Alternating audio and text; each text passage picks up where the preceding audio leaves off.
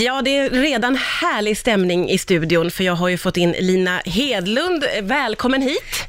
Tack så mycket! Du är ju en av finalisterna i lördagens final i Melodifestivalen. ja. Du gick direkt till final och när du fick veta det, när jag satt i tv-soffan och såg dig, du såg så förvånad ut. Har du hunnit landa någonting i det eller? Jag vet inte om jag har hunnit landa. Jag är i alla fall så fruktansvärt glad och jag är så peppad på lördag och det är så skönt att finalveckan nu är igång. Ja, har du väntat och väntat? Ja, längtat och väntat. Så att det är ju så. Det är ju, min förhoppning och min önskan var ju att gå direkt till final. Ja. Så att jag känner mig som en supervinnare. Nu känns finalen som en ljuvlig bonus. Ja, men det där, du har ju hållit på länge, du är en etablerad artist. Ja. Då tänker jag att du känns, att du är lite självsäker och att du, jag får liksom inte ihop det med det där.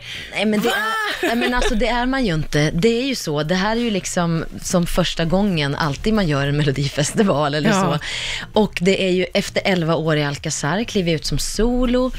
Så att det gör ju att, det är, att man blir extra glad att det, att det liksom flög på Ja. det sättet det gjorde.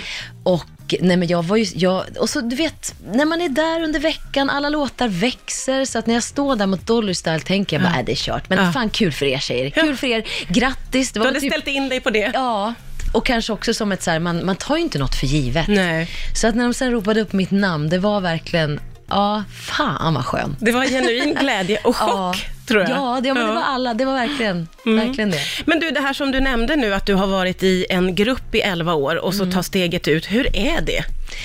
Nej men jag har ju, jag, jag säger det så här, jag har legat i skilsmässa under hela 2018. Ja, men Har det varit jobbigt? Det har varit skitjobbigt. Det har varit jättemycket tårar. Det har varit sorg och vemod, men det har ju framförallt varit väldigt mycket glädje och kärlek.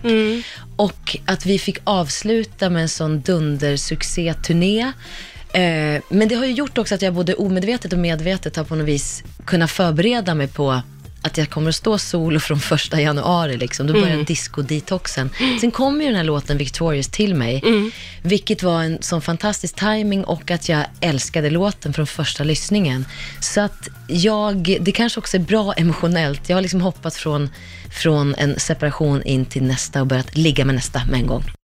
Det är ju, skulle jag nog säga, ett ganska starkt finalstartfält, va? Alltså, jag tror att det här är starkaste finalen på väldigt många år faktiskt. Ja, vem är du mest eh, nervös för att möta? Ehm, jo, jag tycker ju att, ja men det finns, alltså det finns många bra. Hanna och Liamo är ju sjukt bra. Ja, alltså. fin låt. Fin låt, begåvade unga människor. John Lundvik Ja. svänger på. Eh, sen har vi ju Unga Bichara, alltså Arvingarna, hej vad det svänger. Ja, ja, Älskar ja. att de Ja. kom vidare. Nej men så att det, det känns ju som att det är 12 stycken väldigt olika låtar också. Som representerar olika typer av genrer och ålder. Jag är ju liksom Mamma Mello. Nej men gud vad sjukt, jag kan Ja. inte smälta det. Jag vill inte smälta det Lina. Du måste smälta Nej, det jag nu, hör det? det. Nej men det är ju väldigt kul. Mm.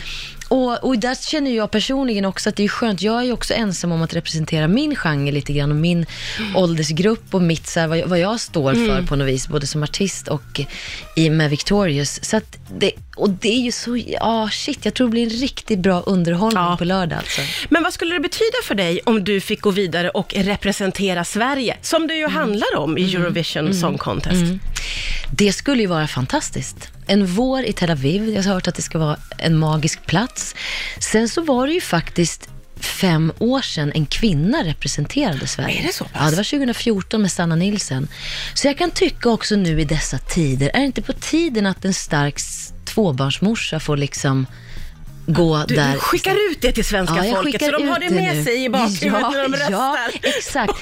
Nej, men det är klart, alltså, jag hade ju älskat det. Ja. Wow, vad det hade varit häftigt att få göra det. Och för mig också, Victorious står ju för någonting, framförallt är det en bra låt tycker jag. Mm. Man blir glad, man vill dansa. Men budskapet, det var det som gick rakt in i mig när jag hörde den från första början, att den Det står för något som jag tycker är så viktigt idag, att come together, together we will grow much stronger and stronger we will stay together forever victorious.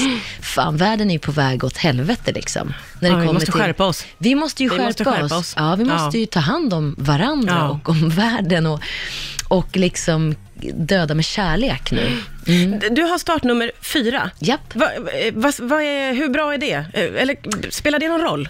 Oj, ja, men det där, det där tänker inte jag på. Nej, du gör inte Nej, det? Jag trodde men- det var viktigt eh, hur, vart man hamnade i Ja, men, startfältet. jag vet inte. Alltså jag fick ett startnummer. Ja, Hej, du är glad det. för det. Sen var det ju enkelt. Jag hade startnummer fyra i Leksand. Ah, Eh, och nu har jag kvar mitt startnummer här i Ja, ja, ja. finalen. Så det känns ju både enkelt och, ja, det var ju ett vinnande nummer det i var Leksand. ju det, ja. Och lite så här, det, jag är ganska glad att inte vara först. Ja, ja, okej. Utan det är ganska skönt att få ett par, tre låtar att Någon ladda. som liksom drar igång det. Så att jag, Ja.